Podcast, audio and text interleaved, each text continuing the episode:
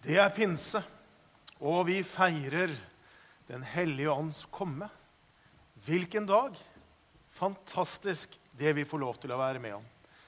Det som de gamle testamentlige profetene bare kunne se fram imot med forventning. Det som Jesus lova skulle skje. Og så skjer det, ca. år 30, i Jerusalem. Og så skal vi få lov til å lese nå noen av de versene som forteller om det som skjedde fra Apostlenes gjerninger, kapittel 2 og vers 1. Da pinsedag kom, var alle samlet på ett sted. Plutselig lød det fra himmelen som når en kraftig vind blåser, og lyden fylte hele huset hvor de satt. Tunger som av ild viste seg for dem, delte seg og satte seg på hver enkelt av dem. Da ble de alle fylt av Den hellige ånd og de begynte å tale på andre språk ettersom Ånden ga dem å forkynne. I Jerusalem bodde det fromme jøder fra alle folkeslag under himmelen. En stor folkemengde stimlet sammen da de hørte denne lyden, og det ble stor forvirring, for hver enkelt hørte sitt eget morsmål bli talt. La oss be. Herre Jesus Kristus, jeg takker deg for hva vi kan få lov til å feire i dag. Takker deg for det vi fikk lov til å lese akkurat nå. Ånden kom over alt folk. Og så ber vi, Herre, om at disse ordene må få lov til å slå rot i våre liv. Og at det som skjedde den gang på pinsedag, at det må skje hos oss. I vår menighet og i våre liv. Jeg ber om det, Herre. Amen. Jeg skal si noe i dag om pinse om pinseliv. Jeg skal si noe om hva er det som gjør pinsen viktig. Jeg skal si noe om hvorfor vi trenger pinse i våre liv. Og så skal jeg si også noe om hvordan vi kan erfare pinse i eget liv. Så det er de tre punktene som jeg skal si noe over. Det er ikke bare David som er her oppe, som sliter litt med å plassere pinsen. Eh, faktumet er at 27 eh, av Norges befolkning vet hva pinse er. Så Det betyr at det er 73% av Norges befolkning som ikke har peiling på hva pinse er. Eh, og av de som vet, så er over halvparten over 60 år. Så av de litt yngre så er det ikke mange som klarer å ha helt styr på hva pinse er. Så det er bra at barna våre virkelig får innføring der oppe. Så skal vi si litt om det her også. Eh, og så kan en jo kanskje tenke seg litt sånn da, at ja, når så få vet hva det er, og i hvert fall så få av de yngre, så er det kanskje bare litt sånn medium viktig. Ikke sånn kjempeviktig. Og mens Gud som skaper og Jesus som frelser er sentrum i den kristne tro, så kan man kanskje ha en liten sånn følelse av at det med Den hellige ånd det er litt sånn i periferien et sted. Litt sånn på sida, kanskje som ikke nødvendigvis trenger å ha så veldig fokus på. Litt sånn ekstra. Hvis du husker de der oppgavene i mattebøkene som var for de som ville ha noe ekstra. ikke sant? Det var ingen som ville ha det. Det bare hoppa vi over. Litt sånn kan det kanskje bli også med Den hellige ånd. At det blir et sånn appendiks, det blir et tillegg. Eller det blir for de spesielt interesserte. Og så har vi jo pinsevennene. da. De, liksom, de kan liksom ta det på et vis. Og så kan vi mer vanlige kristne heller kanskje konsentrere oss om Gud og Jesus og de tinga der. Jeg ironiserer, og det er ikke sikkert jeg treffer noen av dere. Men jeg tror det er litt lett å tenke litt sånn. At Den hellige ånd det er noe som er litt der på sida, litt i periferien. Noe man ikke liksom trenger å ha sånn helt fokus eller kontroll på. Og så er det jo ingenting som er fjernere fra en bibelsk virkelighet enn det. Og det er ingenting som er fjernere fra den vekten som Jesus faktisk legger på dette at Ånden skulle komme. Jesus snakker mye om det. Og I den siste talen han holder, som vi finner i Johannes evangeliet, fra kapittel 13 og utover, så bruker han tre kapitler, 14, 15 og 16, og nesten hele tiden snakke om Den hellige ånd som skulle komme. Talsmann som skulle komme. Igjen og igjen og igjen sier han det. Det var viktig for Jesus at disiplene skulle få med seg det. Og så er det et vers fra disse kapitlene i Johannes evangeliet som liksom har fulgt meg disse ukene. Det står i Johannes 16 og vers 7 følgende.: Men jeg sier dere sannheten. Det er det beste for dere at jeg går bort. For dersom jeg ikke går bort, kommer ikke talsmannen til dere. Men går jeg bort, kan jeg sende ham til dere. Tenk litt på det verset. Hva er det Jesus egentlig sier her? Tenk på disiplene som har forlatt alt og fulgt Jesus helt bokstavelig. De har lagt hele livet sitt, alle sine drømmer, alle sine ambisjoner, alle sine eiendeler har de lagt i Jesu hender. Og så har de fulgt han i tre år. Han er alt deres håp. Og så sier Jesus dette. Det er det beste for dere at jeg går bort.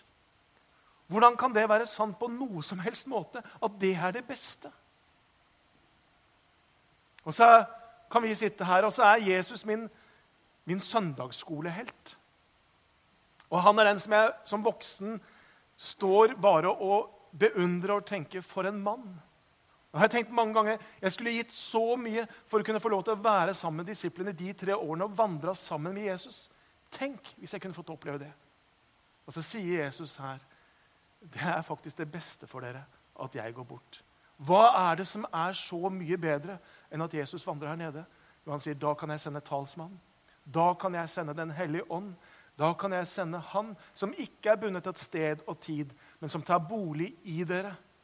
Og så vil Han veilede dere til sannheten. Så vil han lede dere. Så vil han gjøre det som jeg har gjort. Det Jesus sier, og hvis vi skal tro på ham, og det pleier jeg å gjøre Han døde, han sto opp, jeg tror på ham. Han sier at vi er mer privilegert enn de som fikk lov til å vandre sammen med Jesus der nede.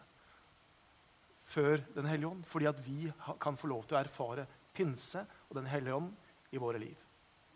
Og Det sier noe om den vekten som Det nye testamentet og den vekten som Jesus legger på at Den hellige ånd skulle komme. Og Hvis vi bare tar en liten sånn kikk på de gamle testamentlige eh, profetene, så ser vi også at de var slike som så fram. F.eks. Esekel og Joel, som levde i det som var en veldig krevende tid for Israel. Og så var ting veldig vanskelig. Israel var i moralsk og religiøst forfall. De vendte seg bort fra Gud. Og så ser Esekel fram mot en tid, og han lengter etter en annen tid. Han sier, og det er Herren som sier det, 'Jeg gir dere et nytt hjerte, og en ny ånd gir jeg dere inni dere.' 'Jeg tar steinhjertet ut av kroppen deres og gir dere et kjøtthjerte isteden.' 'Jeg gir min ånd i dere og gjør at dere følger forskriftene mine.' 'Holder lovene mine og lever etter dem.'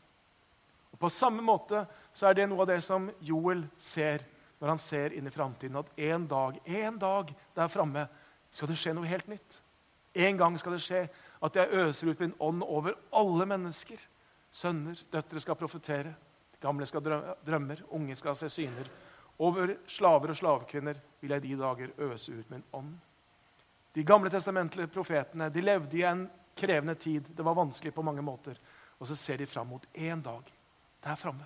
En dag skal alt bli annerledes. Den hellige ånd skal komme inn i mitt folk. De skal få et nytt hjerte. Jeg øser over min ånd over alle mennesker. Og så er det det som skjer på pinsedag. Det er det som skjer.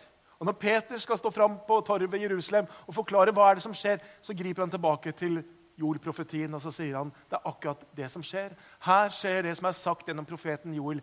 I de siste dager skal det skje, sier Gud. Jeg skal øse ut min ånd, osv.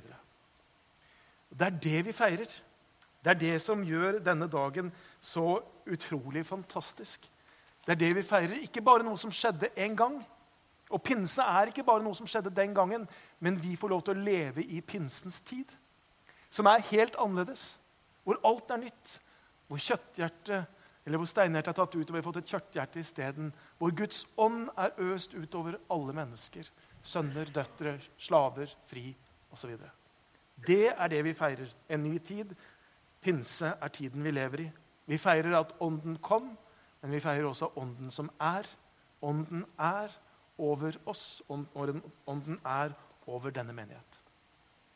Så det var noe av det jeg hadde lyst til å si om hvorfor det er viktig. Og Da håper jeg du er enig med meg at dette er svært viktig. Ikke et tillegg, ikke noe ekstra liksom for de spesielt interesserte, men det er viktig for oss alle. Hva er det vi trenger pinsen til?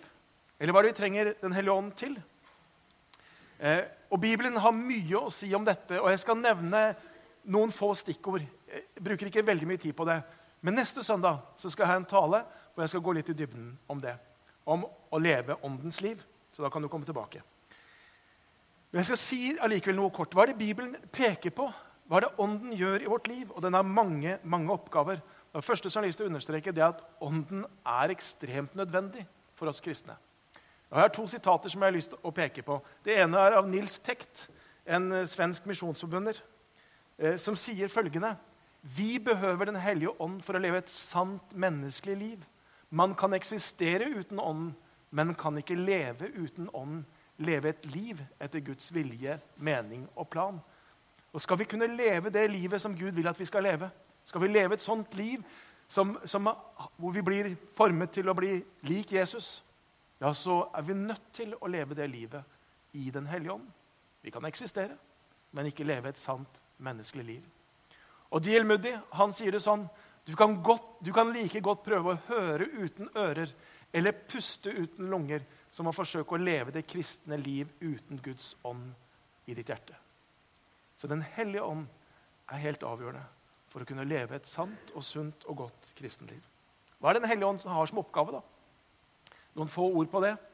Jo, Den hellige ånd er sannhetens og lysets ånd, som avslører synd og urettferdighet, som viser oss vårt behov av en frelser, og som fører oss til Kristus. Og Det var jo noe mange av oss merka før vi kanskje tok imot Jesus. Den der opplevelsen av at det var noe som trakk oss mot Kristus. Kanskje kjente vi på vår egen tilkortkommenhet. Kanskje kjente vi på at vi liksom ikke strakk til på noen områder, eller vi kjente på vår synd. Og så blir vi på en måte minnet om det. Og Bibelen sier det er Den hellige ånd sin oppgave. Å minne oss om det. Sånn at vi ser det og drive oss, føre oss til Kristus. Så det gjør Den hellige ånd i vårt liv. Til Kristus første gang, men også seinere. Dessuten så er det Den hellige ånd som tenner mennesker, sånn at de blir brennende vitner. Han er ildens ånd, som gir oss frimodighet til å kunne forkynne evangeliet om Jesus Kristus. Og Vi så det på pinsedag, hvordan ilden satte seg på hver enkelt av de, Og så ser vi den totale forvandlingen denne disippelflokken har. Fra å være engstelige bak stengte dører til liksom å stå fram på Jerusalems torv og forkynne Kristus. Hva er forskjellen? Jo, de har fått Den hellige ånd. Det var hele forskjellen. De snudde opp ned på alt. Og så er de frimodige og brennende vitner. Det er det hva Den hellige ånd gjør i våre liv. Den hellige ånd er også kraftens ånd som utruster de hellige til tjeneste. Sånn at når, vi, når Den hellige ånd kaller oss inn i oppgaver og tjenester, så står det at vi også får utrustning. Vi får gaver, nådegaver, tilpasset den oppgave, den tjenesten vi har. Og så er gavene forskjellige. Tjenesten er forskjellig. Og så står det men ånden er den samme. Det er den samme ånd som virker det hos oss. Og så er Den hellige ånd kjærlighetens ånd, som forvandler mennesker innenfra og ut. Ikke ved at vi prøver å få til noen ting, men rett og slett ved at vi har fått et kjøtthjerte istedenfor et steinhjerte. Og av, fra det kjøtthjertet ja, så kommer det et forvandla liv som gjør at hjem blir forvandla, samfunn blir forvandla, og det bygges relasjoner mellom mennesker som er forskjellige. Ulik rase, ulike stand, ulikt folk. Og så kan vi oppleve det samme åndens fellesskap. Det er hva Den hellige ånd gjør. Og Jesus han sier at Den hellige ånd skal veilede oss til sannhet. Den hellige ånd vil hjelpe oss, vil lede oss, vil trøste oss, vil forherlige Kristus i oss, vil utruste oss. Dere, vi trenger Den hellige ånd. Vi trenger Den hellige ånd i våre liv. Som vi sang på 70-tallet Jeg behøver deg, hellige ande. I meg selv er jeg uendelig svak. Vi trenger Den hellige ånd som enkeltindivider. Men sånn er det også som menighet. Skal vi være en sann og sunn Kristi menighet på dette sted, så trenger vi at Den hellige ånd får lov til å gjøre sitt verk i oss og iblant oss. Vi er kalt til å være Kristi legeme, Kristi kropp, i vår tid og på vårt sted. Det klarer vi ikke å være hvis ikke vi også er en menighet som gir Den hellige ånd rom og plass i vår midte. Det er helt umulig. Peter Halldorf, svensk forfatter, retreatleder, han sier det sånn Hemmeligheten bak Kristus-inkarnasjons kirke eh, til den, til den Kristus-inkarnasjon Kirken er kalt til å være i verden, er Den hellige ånds nærvær og gaver i menighetens liv. Om den stenger Ånden ute, dømmer den seg selv til å bli en Kristus-karikatur. Skal vi være Kristi legeme inkarnert, så må Den hellige ånd få rom og plass hos oss. Og Han sier videre når lydhørigheten til ånden slukner, mister Kirken sin lyskraft. Den blir en rykende veke, en utvaska kopi av evangeliets Jesus. Og i dette så tenker jeg, så ligger det også et alvor. Det ligger et alvor. Fordi skal vi være den kirken som Jesus ønsker at vi skal være, ja, så må det være noe mer enn at vi har stell på sakene, gode strukturer, gode aktiviteter og programmer. Det må være dette. Det må være dette åndens liv som fungerer blant oss, sånn at mennesker møter Jesus. Sånn at mennesker blir forvandla. Sånn at mennesker får lov til å se åndens verk i sitt indre. Og uten Den hellige ånd så kan vi ikke være det. Derfor så er noe av kallet og noe av det jeg tenker er vesentlig, det er å gi Den hellige ånd rom, gi Den hellige ånd plass, åpenhet mot hva Ånden ønsker å gjøre. I våre liv, men også i vår menighet. Jeg har lyst til å bruke det siste punktet på å si noe om hvordan, hvordan oppleve pinse. da. Hvordan kan vi, hvordan kan vi på en måte gå inn i noe av dette, eller oppleve noe mer av det, eller få noe mer? Hvordan, hvordan ser det ut? Så Jeg har bare lyst til å understreke at Bibelen er veldig tydelig på at alle som er kristne, har Den hellige ånd. Eh, det understrekes på ulikt måte. Eh, vi får Den hellige ånd ta bolig i oss når vi blir kristne. Så har du tatt imot Jesus, du tror på han, du tilhører han, ja, så har du Den hellige ånd. Allikevel, og vi kan bare ta et par skriftord på det Romerne 8,9 så står det men dere er ikke den syndige natur. Dere er i ånden, så sant Guds ånd bor i dere. Den som ikke har Kristi ånd, hører ham ikke til. Og Da blir det også slik at hører du Kristus til, ja, så har du ånden. Han sier videre, Paulus, ingen kan si 'Jesus er Herre' uten i Den hellige ånd. Du har Den hellige ånd. Og Allikevel så har Bibelen gjentatt oppfordringer om å bli fylt av ånden. Hva er det? Jo, Det handler ikke om å bli fylt av en som er utenfor deg, men det handler om å bli fylt av en som er i deg. Det handler ikke om at du må ha mer av Den hellige ånd. Han er en person og bor i deg med hele sin fylde. Men det handler kanskje om at Den hellige ånd må få mer av deg, og må få mer rom og mer plass i ditt liv. Slik er det vi fylles av Den hellige ånd. Hvordan gjør det? Hvordan kan vi gjøre det? Bibelen har ikke noen oppskrifter. Heldigvis. Det er aldri noe sånn i Bibelen at hvis du gjør 1, 2, 3, så gjør Gud 4. Eller, det finnes ikke. Da er det plutselig vi som kontrollerer Gud. Og det slipper vi heldigvis. Han er suveren. Men allikevel har jeg lyst til å peke på noen holdninger inn i dette med å oppleve hans fylde, oppleve åndens fylde i sitt liv, som jeg tror kan være viktige. Og Det er henta stort sett fra den teksten som vi leste helt innledningsvis. Så For det første eh, så har jeg lyst til å si at eh, den hellige ånd kommer over disiplene, så er det en disippelflokk som er en ventende og lengtende disippelflokk. Og Det er det første jeg har lyst til å si noe om.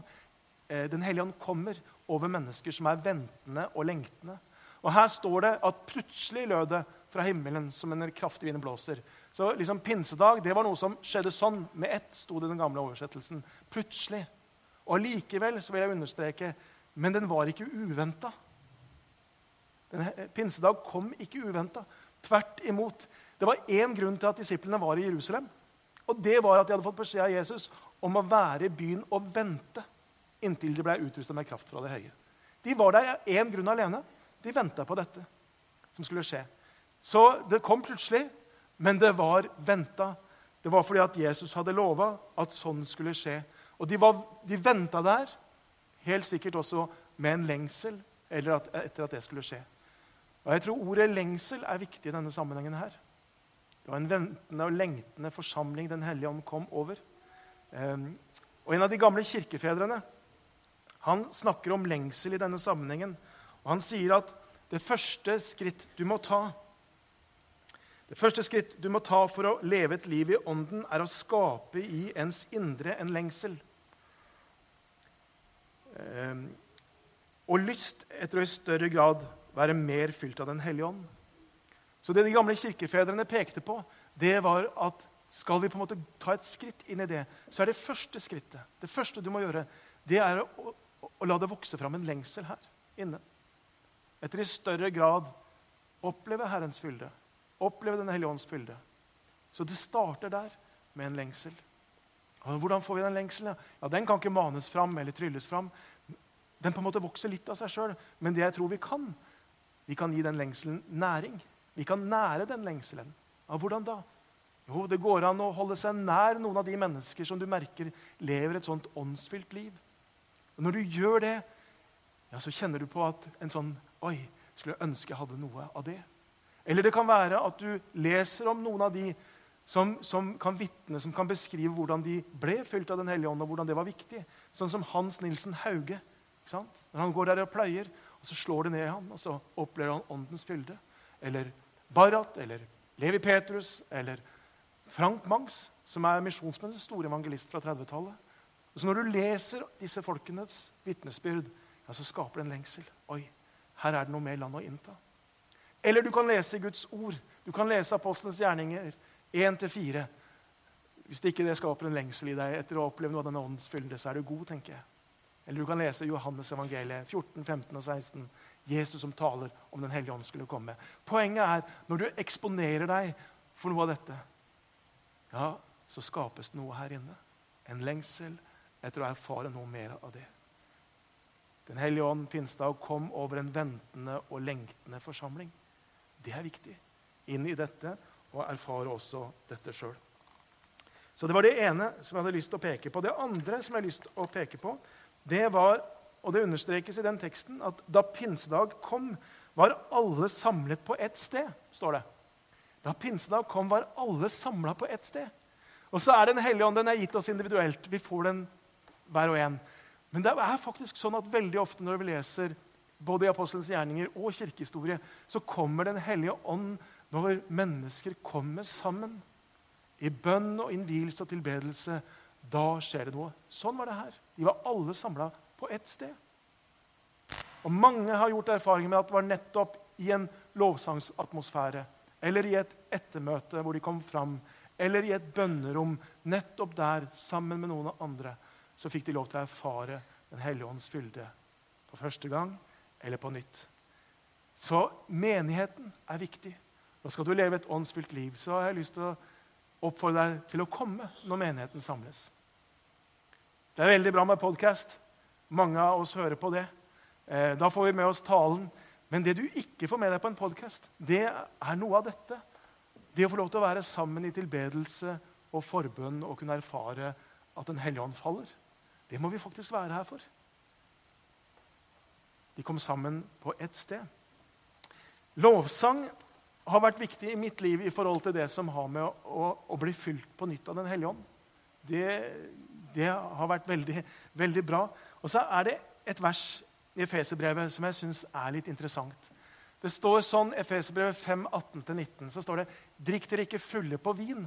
Det fører til utskeielser. Bli heller fylt av Ånden og syng sammen. La salmer, hymner, åndelige sanger lyde, osv.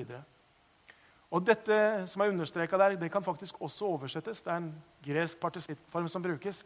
hvor det står, eller det kan oversettes 'Bli heller fylt av Ånden idet dere synger sammen sanger, salmer og åndelige viser'. Og Det er interessant. Og Til alle tider så har sang og musikk spilt en viktig rolle i Kirkens gudstjenesteliv. Og Sånn tenker jeg det er hos oss også. Det er ikke på en måte en sånn pause mellom to programposter hvor man kan liksom tenke på noe annet. Benytt lovsangen, sangen i menigheten, til å innstille deg på Gud, åpne opp ditt hjerte, gi deg hen. I det så kan Guds ånd få lov til å få rom og plass. Det siste jeg har lyst til å peke på, det var at pinsedag den kom på slutten av et heller langt bønnemøte. Eh, vi har Kristi himmelfartsdag. Jesus tas opp til himmelen. Eh, og Noe av det siste han sier, det er at de skulle bli i byen og vente. Og så står det slik i Apostelens gjerninger 1,14, etter at de har sett Jesus fart opp til himmelen Alle disse holdt trofast sammen i bønn, sammen med noen kvinner og Maria, Jesu mor, og brødrene hans. De holdt altså trofast sammen i bønn. Så det de gjorde mellom Kristi himmelfartsdag og pinsedag, det var det at de holdt trofast sammen i bønn. Jeg vet ikke, jeg syns Kristi himmelfartsdag akkurat var der. Jeg syns det gikk veldig fort i år med konfirmasjon og alt mulig mellom her. Liksom, puff, så var det pinse. Men hvis, hvis, hvis, det hadde vært et bønnemøte som varte fra Kristi himmelfartsdag til pinse, så kan det jo hende at det hadde opplevd litt, litt langt. Eh, og så tenker man liksom Etter to-tre dager så skal vi avslutte nå. Det var kanskje ikke helt sånn vi skulle vente allikevel. Og så gjør de ikke det. De holder ut. Sant? Fem dager, en uke har passert. Ni dager. Nei, ti dager. Og så skjer det. Pinse. Pinse skjer på slutten av et ti dagers bønnemøte. De var utholdende i bønn. Og så er det mange som erfarer nettopp det, at Den hellige ålds fylde for første gang eller opp gjennom i livet, ja, så skjer det i forbindelse med kortere eller lengre bønn. Det å komme sammen som menighet og samdrektig henvende seg til Gud og, og be om at Den hellige ånd må komme, det finnes det en kraft i som jeg tror vi godt kan ta ut noe mer av potensialet i. Den første menighet de opplevde jo ikke det bare én gang, men det står også senere. Mange ganger, men et av stedene jeg har lyst til å peke på, er Apostelens gjerninger 4, 31, hvor det står sånn Da de hadde bedt, skal sted der de var samla, og de ble alle fylt av Den hellige ånd og talte Guds ord med frimodighet. Det er fantastisk. Sånn må vi ha det her. ikke sant? Grunnen eh, skjelver litt, og så fylles vi alle med Den hellige ånd. Det var virkeligheten i den første menighet. Og så tenker jeg det er egentlig også vår virkelighet. Det handler om å leve det ut. Det er vår virkelighet. Akkurat de samme mulighetene som var her, det har faktisk også vi. Frank Mangs han var den store vekkelsespredikanten, evangelisten, på 30-tallet. Han hadde en stor vekkelse som fikk veldig stor betydning for Misjonsbundet. Misjonsbundet ble tredobla i løpet av noen få år i den tiden der. Han var veldig opptatt med at mennesker skulle få lov til å erfare åndens fylde. Og så Helt mot slutten av sitt liv så har han en samtale med Peter Haldorf. Og så sier han følgende, som jeg syns er en sånn utrolig god beskrivelse av hvordan han erfarer dette og blir fylt av Den hellige ånd. Han sier det er ikke noe man trenger å arbeide fram. Det er bare én ting å gjøre. Nå har jeg skrevet for mye, eller av en annen grunn opplever at fornemmelsen dempes. Det var det han brukte som et uttrykk på opplevelsen av å være fylt av Den hellige ånd. Fornemmelsen. Blir jeg stille, fullstendig stille og avslappet? Jeg sier, 'Herre, nå får du fylle meg med din ånd.' Du kan det. Det koster deg ikke noe som helst å fylle min helligdom, som er din helligdom, med din herlighet. Det slår praktisk talt aldri feil. Selv når kroppen min er dødstrett, når jeg slapper av, opplever jeg at fornemmelsen blir sterkere og sterkere. Iblant må jeg si, 'Herre, nå er det nok'. Og jeg tror faktisk at det er så enkelt. Det handler ikke om å mane fram noe og arbeide fram noe. Det handler egentlig om dette å åpne seg opp. Åpne seg opp og ta imot det som Gud mer enn gjerne vil gi. Så pleide Asbjørn Johansen å si husk, Den hellige ånd er en gentleman. Og med det så mener at Den hellige ånd presser seg ikke på der den ikke er velkommen, men den kommer gjerne der mennesker åpner seg opp for å ta imot det liv som Den hellige ånd har å gi. Det finnes et gammelt bønnerop, et gammelt kirkelig bønnerop, som på latin heter 'Veni sancte spiritus'. Kom, Hellige Ånd. Kom, Hellige Ånd. Den bønnen handler ikke om at vi ber om at en som ikke er her, skal komme. Han er her allerede. Men den bønnen handler om at han må få lov til å komme inn i mitt liv. At han må få lov til å komme inn i alle rom i mitt liv. At han må få lov til å komme inn i vår menighet, i alle deler av vår menighet. Det er det den bønnen handler om. Kom, Hellige Ånd. Det er pinse. Det er i Randesund 2016. Og så har jeg lyst at vi skal be den bønnen. At vi skal be virkelig fra dypet av vårt hjerte at Den hellige ånd kan komme. Vil vi gjøre det? Vil du reise deg opp, og så kan du inni deg være med i denne bønnen?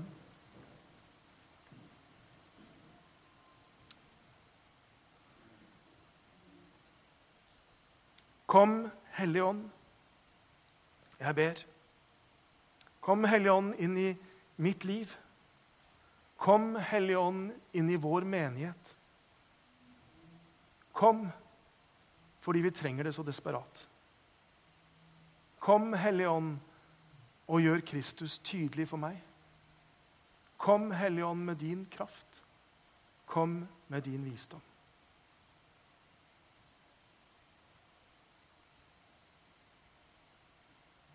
Hellig ånd som livet gir, fall nå over meg. Hellig ånd som livet gir, fall nå over meg. Smelt meg, fyll meg, tenn meg, send meg. Hellig ånd som livet gir, fall nå over meg. Kjære Jesus, du kjenner oss alle her inne. Og så ber jeg at du skal hjelpe oss til å åpne opp for det som du har for oss det liv som du ønsker å føre inn i våre liv. Den ånd som du ønsker å fylle oss med. Jeg ber, Herre, at du må hjelpe oss til å ta imot. Og du hjelpe oss til å ta imot det som du har for oss. Jesus.